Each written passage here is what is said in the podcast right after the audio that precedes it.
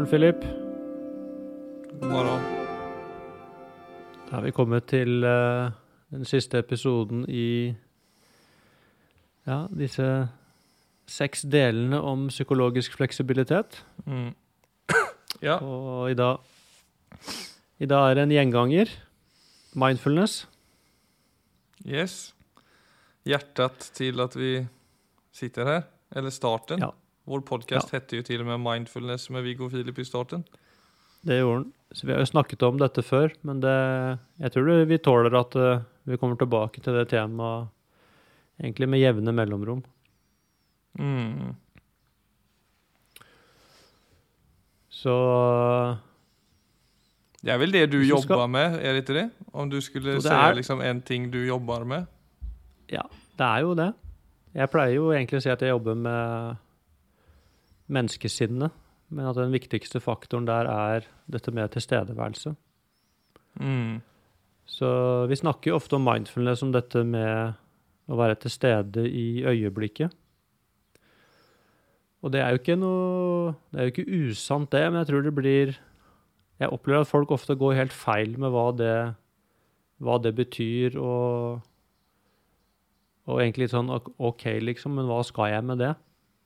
Så jeg tenkte på det før vi skulle snakke i dag, at uh, Altså, hva er det egentlig? Altså, hva ville jeg sagt hvis noen spurte hva er egentlig mindfulness? Så tror jeg jeg ville sagt noe sånt som at uh, At det er å gå med deg selv gjennom livet. Med en form for klarhet og årvåkenhet. Ja, jeg holdt på å si at det er litt svårt å kommunisere det, men jeg syns også den, er, den definisjonen er litt vanskelig. og Jeg tror den er litt svår å du skal sikkert bene ut den litt, vil jeg tro. Ja, jeg tror det, men da tror jeg vi er på et spor som det går an å utbrodere litt. For du Mm. kan si hva er konsekvensen av at ikke jeg er altså med meg selv? Konsekvensen av det er- at du Ja, det er at jeg egentlig ikke er levende. Det er det som er konsekvensen. ja, en konsekvens for meg, eller for meg, men for mange av mine vänner, alltså som når jeg snakker om hvordan man lever sitt liv, så kan det være at du går opp, setter deg ved frokost eller egentlig våkner, ser på telefonen, går ned for trappen kanskje, sätter deg på kjøkkenet, ser på telefonen og spiser frokost, sticker til jobbet, sätter deg ved skärmen, dunkar in en lunch framför skärmen, kommer hem, spiser middag. Har du familj så kanskje du er heldig hvis du ikke ser på skjermen i noen minutter, men ser på Netflix på Mm. kvällen, går opp til sengen med telefonen, scrollar litt, går og børster tennene inn på badet. Kanskje du låter telefonen ligge kvar på nattbordet, men kommer tilbake, sjekker telefonen litt til, og så sovner du og sover kanskje ikke nødvendigvis så bra alltid. Men så våkner du igjen, og så skjer de samme på nytt. Ja, jeg, håper, jeg vet ikke om folk egentlig, om noen lever helt, uh, helt sånn. Jeg håper ikke det. Det altså, du beskriver jo det er bare en sånn Det er jo bare en ytre ramme, da, men altså noe som eh, bare går på automatikk. Ja, det er litt det jeg menar. Alltså jag vet ju det själv, så, alltså telefonen är ett, ett, ett eh, medel man kanske ofta använder i det sammanhanget för att det är en, är en eh, modell som man ofta ter sig till om man ikke lever så oppmerksomt, for der där finner du både distraksjon og der finner du underholdning. Ja. Så at, og derfor syns jeg også at den er veldig god i det for at den eh, som moderna människor så är kanske telefonen den främsta uppmärksamhetstjuven. Ja, det er nok det. Men så är det återigen det där med att okej, är, för det är lite så att det också har gått så långt att det du snackar om ögonblicket kan verka tomt och kedligt. Alltså det är att sitta och vänta på bussen eller det är att sitta och spisa frukost utan att göra någonting. Att de små øyeblikkene ikke har så mye verdi, og da er det like bra å sitte og se på telefonen. Ja, og, det, og det er der eh, dette problemet med altså denne øyeblikksdefinisjonen blir altså litt dårlig, for det er ikke noe feil å ta fram telefonen hvis du sitter og venter eh, på bussen. Det er ikke det, det, er ikke det mindfulness handler om. Men det er at jeg er klar over meg sjøl. Altså det, det er noe med at du vet, du våkner opp, og så selv om du skal på jobb, så er du Jeg er Først og fremst så er jeg levende. Ikke sant? Så mindfulness handler egentlig om at jeg er klar over at jeg er sprell levende. Det er noe med det som er jeg, I am buzzing from within. Vet, øyeblikket betyr noe. Livet mitt betyr noe. Hverdagen min betyr noe.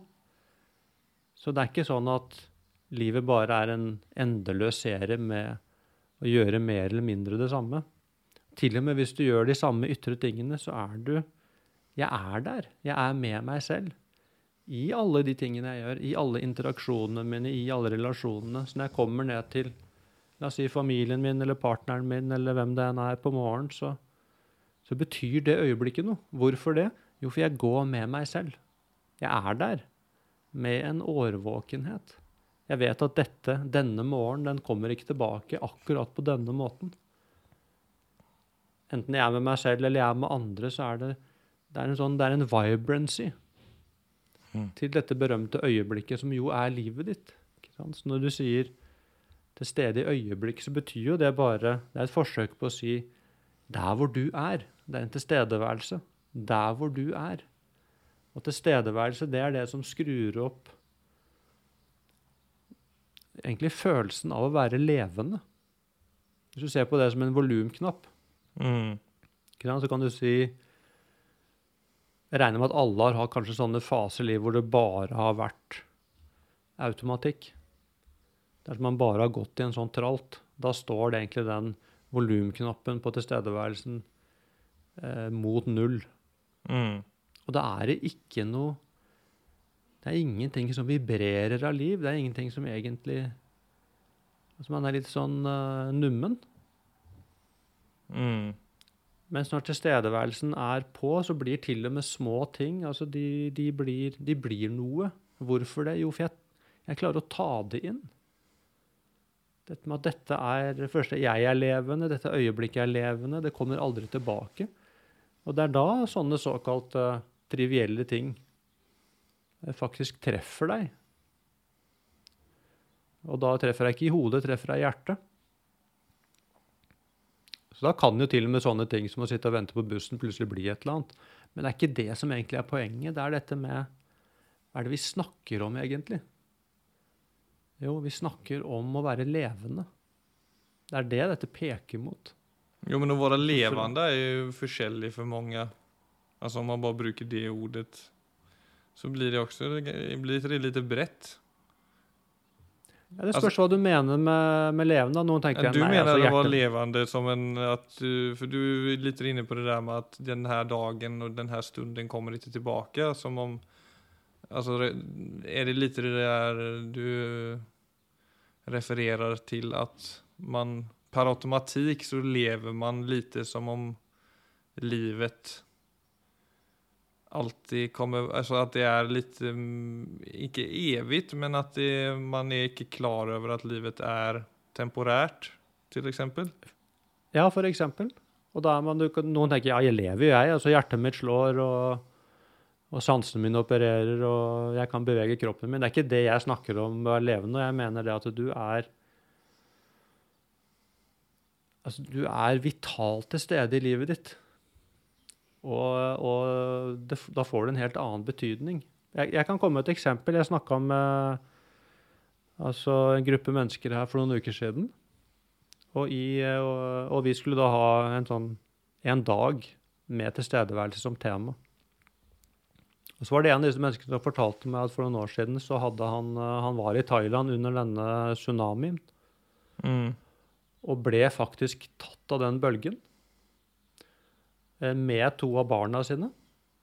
Men eh, de var ikke midt i episentrum, så det gikk, det gikk helt fint med dem. Altså de, men det satt jo selvfølgelig et Og de var jo der, og de så jo på en måte all, eh, alt det som spilte seg ut. Så det var jo et kjempesjokk. Mm. Og da gikk det opp for han at han var levende, sånn som jeg bruker det begrepet nå. Det gikk om for at, at alt dette betyr noe. Så dette var en, eh, altså en fyr som var, hadde veldig stor suksess i, det vi kaller suksess.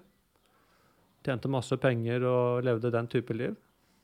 Og etter, i etterkant av den opplevelsen så slutta han i jobben sin, og så begynte han med frivillig arbeid i tre år. Mm. Så hvorfor det? Jo, det er et eller annet som går opp for deg i det øyeblikket at eh, det er som om du ser hvor skjørt det er, og plutselig så kan alt bli tatt fra deg. Og da våkner du opp. Mm. Det er det tilstedeværelse peker mot. Du våkner opp til at du faktisk er levende, og til at det betyr noe. Mens den tralten som han da hadde gått i, og som selvfølgelig mange av oss går i, går i en av sånn tralt og blir litt sånn som om vi har endeløst med tid. Og blir helt nærsynt i forhold til hva som egentlig betyr noe.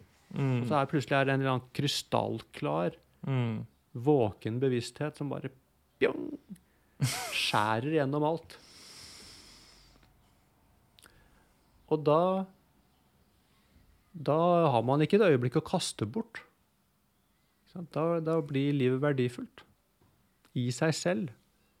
Og da trenger jeg ikke underholde meg selv for å flykte fra livet. Tvert imot. Altså Det å flykte fra livet blir en absurditet, egentlig. For det er jo i hjertet av livet at ting skjer. Det er det som om mitt eget hjerte og livets hjerte det begynner å slå sammen. Og da fylles vi av liv. Så det er ikke en indre tomhet som da må fylles med noe utenfra. Det er en følelse av liv innenfra som, som har veldig lyst til å engasjere seg med alt annet liv. Det er tilstedeværelse. Det er passion. Men det er passion for å leve. Altså det å leve i seg selv, det blir noe. Det å være meg, det er noe. Det er ikke det at jeg skal bli noe gjennom å få til ting i verden. Mm. Det å være meg er i seg selv uh, altså, ja, Ja, det blir lettere en, å være seg selv. Ja, mye lettere. Det, er veld, det blir veldig ukomplisert. For det er ingen Det er ikke det er ikke hva jeg får til, som definerer hvem jeg er. Det går opp for meg at jeg er først og fremst altså et levende menneske. Og det i seg selv er helt fullt. Og alt det det har lyst til, det er å engasjere seg i livet.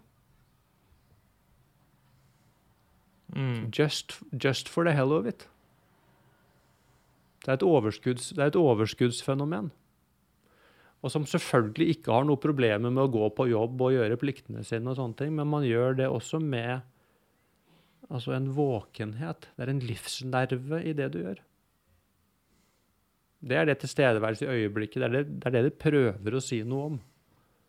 Og så blir det alle disse klisjeene, dessverre, som tar over.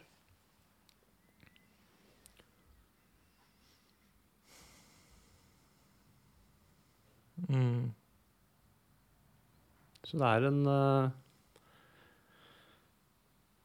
Ja, det er en veldig grunnleggende vakker ting vi snakker om. Og, som, eh, og når den volumknappen er for langt nede, så Men kan det skje? For sånn som når du forklarer det så låter det jo veldig fengslende, måste jeg si. Og det er jo også på et vis en del, Altså det blir ganske store ord og det er jo stort. Alltså, ikke for å inte för att minimera det, for jeg vet jo veldig vel hva du snakker om. Men folk som ikke nødvendigvis har den erfarenheten, eller er så nære det store du snakker om. det. For det er så det oppfattes når du prater om det. Ja, stort, men samtidig hobby er også veldig enkelt. Ja, for det er bare det jeg mener. enkelt. Så man, ikke, at man blir litt sånn redd for det du sier, for at det låter veldig Mm. flott. Og veldig kraftfullt, og så er man kanskje selv ganske langt derifrån. Yep. Eller ikke ens har en erfarenhet enn, kanskje, men bare er litt nysgjerrig Jo, det- på Jeg tror alle har det hvis du går tilbake i livet sitt. Har sånne Altså har jo øyeblikk hvor man bare har kjent at man har at man er i flyt med seg selv og Ja, en, for, en form for flyt, i hvert fall. Hvor man på en måte har altså, Oppleves bare å være meg, og i synk med livet på en eller annen måte. Men tror du den distansen man kan kjenne til det du snakker om nå også beror mye på at For jeg kan jo ofte tänka, alltså så som når jeg hører det du sier, så kan jeg iblant tenke på en arbeidsplass og kjenne hvilken kontrast det er til en arbeidsplass. For at det ofte, ofta är en viss synisme og en veldig konkurransedreven eh, modell som ofte gjør at det ikke helt er plast, plass for egentlig det du snakker om som er å eh, ta vare på hverandre, nestekjærlighet og alt sånt som er egentlig kvaliteter som jeg kan ofte tykke at mange, många platser i livet saknar. At det, ja, att det helt enkelt är allt för att det är en, en viss kyla då. Ja. Jeg, jeg tror for det første, Philip, Ja. altså noen For det første så må vi egentlig altså Når vi snakker om mindfulness sånn som vi gjør nå, så er det det første egentlig å se Er det virkelig sånn? Og hvis noen får følelsen Ja, altså dette bor Dette er en mulighet eh, for et menneske. Det er utrolig viktig at man ser at den muligheten er der. Og så nummer to blir jo da eh, For det første, noen må jo begynne. Altså Hvis alle går rundt og er redde for hverandre og og ikke tør å være seg selv, og ikke eh, egentlig åpner en hånd og henvender seg mot noen, så går alle egentlig og skuler på hverandre og venter på at noen skal ta initiativet. Mm. Og, i verste, og da blir det kaldt. Og da kommer jo heller sånn I det klimaet der så blir det ja, Hvis ikke vi kan være sammen på en god måte, så får vi heller så får vi heller stå på hverandre. da. Så kommer sammenligningen og konkurransen. Alt det kommer jo på grunn av at vi egentlig har tatt det skrittet bort fra hverandre. Ja, alle så dessa försöker tingene ta oss fram. För att man har ju man har en idé om att det är det viktigaste. Och liksom Ja, nettopp. få en viss ekonomi. Och så är det viktigt i förhållande till att försörja sig själv och försörja sin familj och, och, och så vidare. Så att det är inte rart att, att man blir med på den vägen. För jag kan ju tycka att så som han, du nämner han i Thailand som får en sån radikal öppning och en ingång till att förändra sitt liv som han ju gjorde med volontärarbetet. Och det har vi ju nämnt tidigare, men att det ska en sån, det ska en otrolig krasch eller ett våldsamt trauma till för att de kvaliteterna ska börja nystas fram. Ja, men vent litt. ikke sant? Det, Jo, men jeg bare sier säga klart det, for det er, liksom, det, det, er der, det er der det blir svårt. Eller det er der man har, alle vi mennesker har et handikapp, for det er ingenting som vi har odlat fram gjennom livet. Varken, de, varken de, den synen eller de kvaliteterna i att ta vara på och engagera sig för varandra. För det är ju motsatsen till det vi gör. Vi engagerar oss för oss själva för att komma så långt upp på karriärstegen som möjligt. För exempel Ja. i det sammanhanget. Men, men da er vi, ikke sant, du sier en, liksom et voldsomt krasj eller et voldsomt traume, så kan du si ja, på én måte, men på en annen måte han, Det var bare et øyeblikk hvor han våkna opp til at livet betyr noe.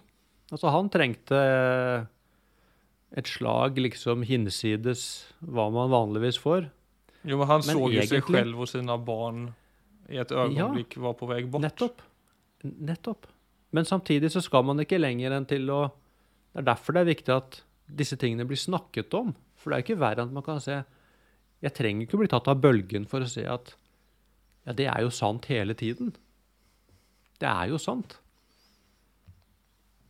Jo, Så men drivet som han kommer i kontakt med der, det er ingenting du bare kan kneppe med fingrene med Og det er der jeg mener at vår kulturelle bakgrunn og vår biologi skaper eh, skapar en slags mur for at det drivet skal få feste og pressa oss mot en riktning lik hans. Ja, men eh, jeg, for meg, jeg prøver nå å fortelle deg Egentlig er dette mye, mye enklere. Det er bare, egentlig bare å innse at du er et levende menneske som skal dø om noen år.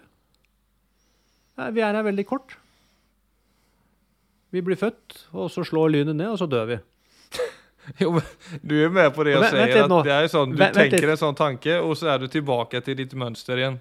Og ditt Nei, sätt att ikke hvis på. du Ikke hvis du faktisk er villig til å ta den tanken og puste den helt inn og se at det er sant. Ja. Så det blir spørsmålet hva skal jeg fylle den lille tiden med? Som jeg kaller mitt liv. Altså hvor mye Altså hvor, eh, hvor mye frykt og egentlig usikkerhet skal jeg gidde å ta meg inn på den reisen når det er så kort? Ja, ja, det er mulig. Det er jeg enig i. Jeg bare forsøker å belyse komplexiteten bakom det her superenkle som du forklarer for oss. Nei da, men det er, jeg mener bare prinsippet er enkelt. Ja det er enkelt, for det er mer bare å innse at ja, det er jo faktisk sånn. altså Problemet er jo bare at vi aldri snakker om det. Så det, er, så det krever jo en, en viss form for refleksjon. Men så Mm. er det jo i den så kan jeg si ja, det er faktisk sant. Hvordan skal jeg forholde meg til det? Og Det er derfor jeg starta Philip, med å si at det, altså mindfulness er å gå med deg selv. For nummer én er OK, la oss si at jeg Ja, sånn er det jo faktisk. Men så begynner jo en ganske voldsom jobb. Og den jobben er jo at jeg hele tiden må eh, også stå i et forhold til min egen trang til å numme meg selv, min egen trang til å flykte, min egen trang til å gå i underholdning istedenfor å, å faktisk søke livet. Så da, da begynner en jobb. Og den jobben er jo at jeg må gå med meg selv gjennom dagen i alle valgene jeg tar, og se hvem er det som tar dette valget. Er det meg, eller er det bare en vane? Altså er konsekvensen av det jeg gjør nå, er det noe som virkelig bidrar til, altså til livskvalitet Mm. og til, uh, og til mestring, til en stolthet over meg selv? Eller er jeg bare på en kontinuerlig flukt fra et eller annet? Og da snakker vi om noe helt annet enn tilstedeværelse i øyeblikket, for der, der, kom, der blir den klisjeen helt feil. For der blir det sånn jeg skal drikke en kopp te sakte, eller jeg skal spise et eple sakte, eller jeg skal sitte og se på tre. Nei, det er ikke det. Du må gå med deg selv. Det må være en tilstedeværelse i valgene dine. Du må si at alle valgene du tar, har en konsekvens, og den konsekvensen blir til livet ditt. Hva slags liv ønsker du deg? For det er det livet du får. Det er konsekvensen av alle tingene du gjør, hele tiden. Mm. Så det å våkne opp til det, Mm. og ta ansvar for det, og begynne å bli altså en bevisst person som tar bevisste valg i livet, og former da din egen skjebne gjennom valgene du tar, det er tilstedeværelse. Mm. Da begynner vi å snakke om noe som har substans. Som ikke er soft. Nei, det er ikke soft. Ikke drikke te hele dagen med benene i kors. Nei, sitter ikke under det. Men selvfølgelig, du gjør det òg. Men det er ikke det som Poenget her er den Det er en, en klar bevissthet som er med meg gjennom dagen. Mm. Og den begynner å blande seg inn i valgene mine. For når jeg går på autopilot, så kommer plutselig den klare bevisstheten frem. Akkurat, den er jo helt stille, men akkurat som den snakker med meg og sier 'Viggo, hva er det du holder på med nå?' Så jeg, da klarer jeg å se meg selv utenifra. Det er på en måte the presence of mind. Mm. Å begynne å reflektere over hvorfor jeg har blitt som jeg har blitt, og hva er følgen av at jeg fortsetter som før? Hva blir følgen av å tråkke opp et nytt spor? Og se at det alltid er mulig. Det er noe med det også. Å si, ja, men det er så vanskelig. Og det, er så, det må du drite i, at det er vanskelig. Det er per definisjon vanskelig. Men det trenger ikke bli et problem.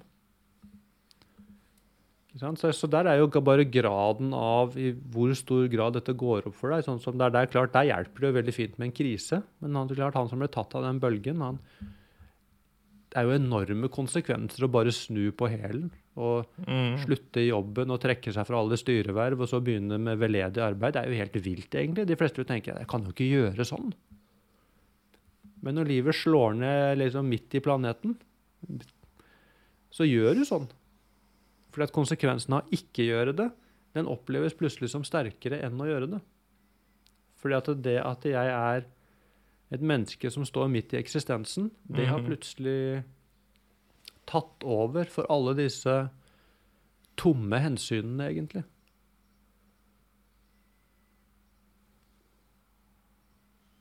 Så Mm, Det tror jeg er en av grunnene til at vi ser en så, så, stor, så stort interesse for dette i dag, og en så stor dragning mot det å komme i kontakt med noe som er Ja, Spesielt også liksom engasj, altså, ja, engasjerende i seg selv, men som også engasjerer seg for andre, som ikke er det at man kjenner seg mer egentligen avskärmade från varandra än vad man känner sig nära varandra.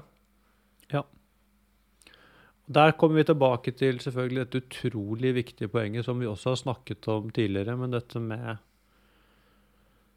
altså alle, altså det tempoet vi lever i i dag, alle inntrykkene som skal bearbeides, og konsekvensene er som jo fort at vi blir, vi blir levende oppi hodene våre. Det skjer så mye i hodet, altså det er så mye aktivitet. Og det er der, ofte er den scenen der hvor livet utfolder seg. Så da kommer jo mer disse som ofte tenker på som sånne soft skills, som ofte blir assosiert med mindfulness. At man må ha altså øyeblikk av stillhet, kanskje en meditasjonspraksis. Altså man gjør en del sånne ting. Men hele hensikten med det er jo nettopp på at det skal støye mindre i kropp og sinn. Og det er jo en forutsetning for tilstedeværelse. Altså det er Jeg må få dempa støyen, sånn at den klare bevisstheten kan komme frem. Mm. For så lenge det er Når det er for mye støy, så får vi ikke kontakt med Jeg må egentlig si at det er indre kontakt. Vi får ikke kontakt med den, si, den indre, klare bevisstheten som er bærer av klokskap. For det har vi faktisk i oss. Og det er først når jeg får eh, roa ting litt ned, at den stemmen kan komme frem. Som har en mening om livsvalgene mine innenifra. Ikke basert på uh, ja, alle disse ytre markedskreftene egentlig, som forteller deg også hva du må gjøre med livet ditt. Og som sier at hvis ikke du får til det og det og det, eller har det og det, eller ser sånn og sånn Mm. ut, så har du ikke noe verdi. Men det er ikke rart vi da blir aktive, men da blir vi aktivisert egentlig fra frykt, og fra uro og fra stress, og så går vi rett inn i sammenligningen, og så er vi borte for oss selv. Veldig, veldig fort. Så det å komme tilbake til meg selv igjen, Ja, men det, det er kan, ju tror inte du då- inte- Nej, t- fortsätt. Jeg vil bare si, og, og det Man snakker jo mye i Mindfred også om å komme tilbake til seg selv, og det er selv, selv, selv. Men det er ikke da Det er ikke et ego-selv vi snakker om. Vi snakker om det selvet som er veldig klar over sin sammenheng med alt annet. Så det er et selv som eh, som har noe å by på. Så det er virkelig ikke sånn at dette er en navlebeskuende praksis hvor jeg har nok med meg selv. Det er ikke det selve. Det er det selve som, eh, som andre gjerne vil være sammen med. For det har overskudd. Så det er å grave fram det i seg selv. Og det er klart Når du tenker på den tiden vi lever i, så er det jo det Og det skal jeg virkelig ikke underslå. Så det å være til stede i et moderne liv, det er en uh, stor utfordring. Det er ikke noe man gjør med å sette av fem minutter hver dag. Det er egentlig en, det er et livsvalg, et veivalg, som vil egentlig få en konsekvens for hvordan du lever livet ditt. Så det er en, det er en stor ting. Men det er mulig, også i dag. Jo, men det er Det jeg det tror det er så, eh, som du sier, at det er så fort å stenge Ja, du sier som du sier, det er ganske svårt å være til stede i dag, Så som du beskriver det, For det er, det er så fort gjort i møte med andra. Jag kan använda mig själv som exempel och stänga hjärtats rum, om jag ska uttrycka mig sånn. Ja. För att du kan se att væremåten hos andre handlar mye om å liksom kanske hävda sig, kanske eh, undgå situationer som at de gillar. Alltså det, det är väldigt mentalt. Mm. Som också gör att man själv kan, alltså om jag upplever att jag är i en situation där folk gärna vill bli hörda och hävda sig framför det och engagera sig i varandra, som jag väldigt ofta upplever att jag gör. Så blir jag själv också stiv och känner att jag stänger av de Mm. kvaliteterna som jag kanske egentligen önskar att aktivera. Eller önskar att liksom bidra med i ett samtal och blir själv väldigt uppmärksam på vad jag säger, hur jag säger det, om jag kan sätta mig över han eller hon Mm. att det går liksom rett opp i knotten. Och det er egentlig signaler som jeg opplever at man blir matad med konstant. Altså om det er fra folk eller om det er fra skjerm og sammenligning på Instagram. At det er, det er som någon skjuter iväg noen glockskott hele tiden og så bare sluter du deg. Absolutt.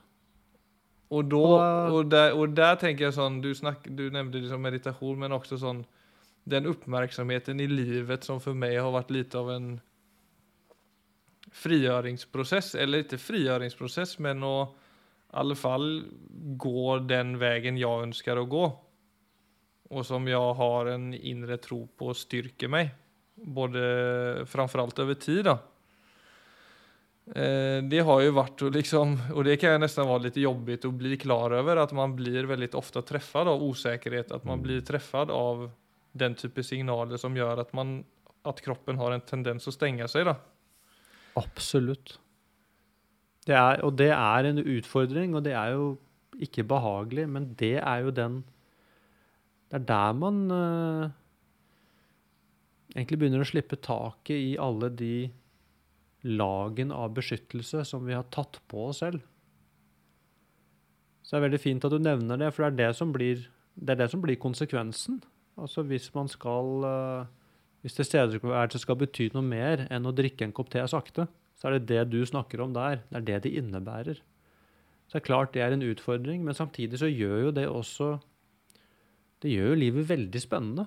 For det gjør at alle de, Mm. egentlig hver gang jeg blir usikker og shut down Hvis jeg er med meg selv i det, så blir jo det også noe som er interessant å finne ut. Er som et puslespill. Hvor man kan se at alle disse tingene henger sammen. Inntil jeg lø løser på en måte den gåten og ser det er jo mulig å gjøre noe annet enn å Mm. shut down. Så, så det er jo den, så tilstedeværelse gjør jo at du blir, du blir jo ordentlig nysgjerrig på livet. Og du blir nysgjerrig på hvordan du selv opererer. Og hva som gjør at du for det første bli redd. Hva som gjør at du tar på deg disse draktene av beskyttelse. Hva konsekvensen av det blir. Og samtidig også, hvis jeg blir usikker, hvordan kan jeg møte min egen usikkerhet på en annen måte enn å shut down? Og da er vi jo egentlig i alle disse seks kjerneprosessene i psykologisk fleksibilitet som vi har snakket om. Det er de som da plutselig kan hindre meg i å, å lukke meg. Eller at jeg blir kald og avvisende tilbake. Men at jeg kan stå i meg selv med en form for varme og se at dette er et mønster og ikke meg. Og at jeg kan huske på verdiene mine. Og at jeg kan stå i ting på en annen måte. Og den altså mestringen og gleden som kommer ved det. Da er Mm. plutselig bare på, det er jo på en helt annen track. Mm. Og det Jeg må jo si, Philip, og det er mulig i, i dag. Selv om man uh, er på et kontor hvor det hvor det er veldig mye andre prosesser som foregår, så er alt dette mulig. Og jeg må jo også si, jeg har vært på mange arbeidsplasser de siste åra hvor det er Kanskje særlig blant litt yngre mennesker. Altså Hvor det vi snakker om nå, er noe de har et bevisst forhold til, og gjerne vil ha inn på arbeidsplassen. Og da begynner det jo virkelig å, å bli morsomt. Å se at man kan være altså egentlig midt i et altså helt normalt, hektisk liv. Men man kan også være sammen om de tingene på en Mm. mer tilstedeværende måte og en mye mer relasjonell måte enn at man bare liksom går rundt og skal være utføre oppgaver og, og egentlig ja, sammenligne seg med hverandre. Da. Hvem som har fått til mest, hvem som har solgt mest, hvem som har ditt eller datt. Altså det, så jeg tror uh, Mm. Ja, ja, det, er, det er veldig mye av disse tingene som endrer seg as we speak. Ja, da, jeg holder med om det. Og det er flere og flere på også mitt kontor som jeg merker har et intresse for Och, For det er noe med det at når du, så som Når man da klarer av å være oppmerksom på seg selv og rømme seg selv i situationer. Altså du rymmer dine tanker og och känslor som kanskje dras mer da mot å forsvare seg eller hevde sig. Så, har ju, så är det ju faktiskt också att när man själv klarar av att anamma den hållningen lite så är ju tilstedeværelse som du beskriver det också en brygga för att öppna upp andra. Mm, det är klart. För det ligger någonting i det som är väldigt tryggt og Hva skal man si? Ikke bare tryggt og beroligende, for det blir også fel men jeg kan føle att jag at, at andre kan Ja, at de, de, de, du kjenner deg trygg, men du får også et engasjement for noe annet enn det å bare være den som skriker høyest. Yes. Altså, husk på tilstedeværelse i relasjoner. Hva er det egentlig det innebærer? Jo, hvis jeg er til stede i en relasjon, så betyr det faktisk at jeg er interessert i den andre. Og hvis jeg kommer i en eller annen uh, altså enten én til én eller en gruppe hvor jeg merker at folk er interessert i meg på ordentlig, så er jo det veldig behagelig.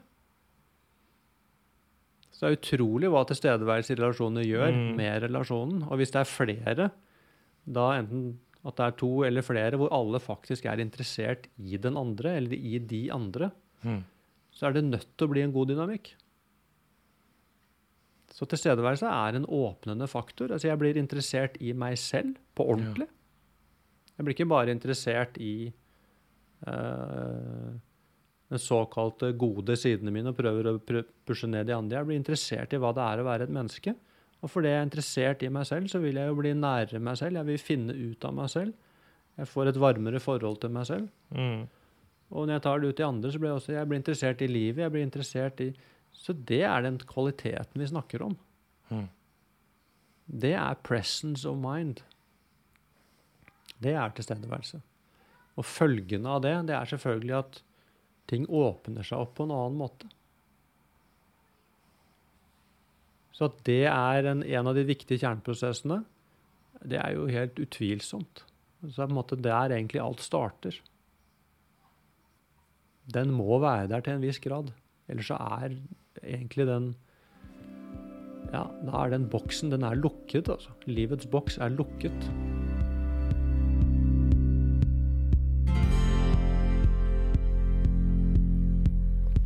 Viggo, nå er vi på har vi jo vært igjennom alle kjerneprosesser her. og er det, er det noe vi burde ha med nå som avsluttende ord her, eller er dette en serie mer som vi anbefaler folk til å lytte igjen og igjen på og ta nytte av dem, det vi har vært igjennom? Altså, jeg tenker jo at uh, både disse seks episodene og egentlig hele, alle våre samtaler ellers altså er sånn at man kan lytte på dem og forhåpentligvis få ja, noen gode refleksjoner liksom med seg selv gjennom det vi snakker om.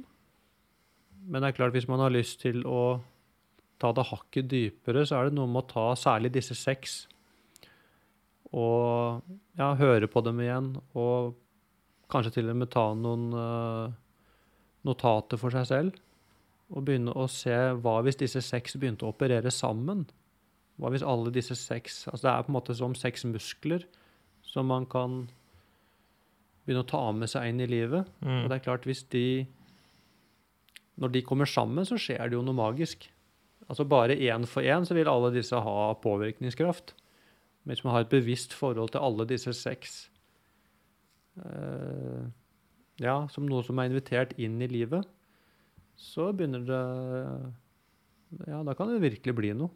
Så det vil jeg si, egentlig si som en oppfordring til de som kunne tenke seg det. Altså Lytt igjen, skriv ned litt, og reflekter på muligheten av at disse kan komme frem sammen. Mm. Så er det jo om det er noen, noen, av disse seks som man kanskje merker man treffer en litt ekstra mye, så er det litt som du sier, at da kan man også begynne der og For de er jo såpass in tune så det ja. blir ju fort at aktiverer man en av disse, så spiller de fort over. Absolutt. Jeg vil jo tenke at hvis vi skal se noe, så er det jo altså verdier, da. Det er jo Så hvis ikke man har en klarhet om sine egne verdier, så vil jeg virkelig anbefale å reflektere over det, for de er retningsgivende. Altså, de peker ut uh, Ja, de peker ut en retning. Det er som et kompass. Mm. Og hvis jeg skal da også kjenne på ja, Én ting er å sitte og tenke på den, en annen ting er å faktisk gjøre det. Så er det en forpliktelse. Hva hvis jeg skal ta dette ut i handling, sånn at jeg får en idé om hvordan det ville se ut? Og så kommer jo da Med en gang jeg ser for meg det, så vil det komme hindringer. Sant? Det kan være måter jeg selv saboterer eh, på for meg selv, eller det kan være andre ting som står fram som hindringer. Og der kommer jo altså aksepten. Dette med å ikke fusjonere med tankene og følelsene mine. Det å få invitere inn Mm. altså det dypere selvet. Så vil du si at jeg får både retning, og så har jeg verktøyene til å håndtere de utfordringer som en måtte reise seg. Og sånn er det disse opererer sammen hele tida.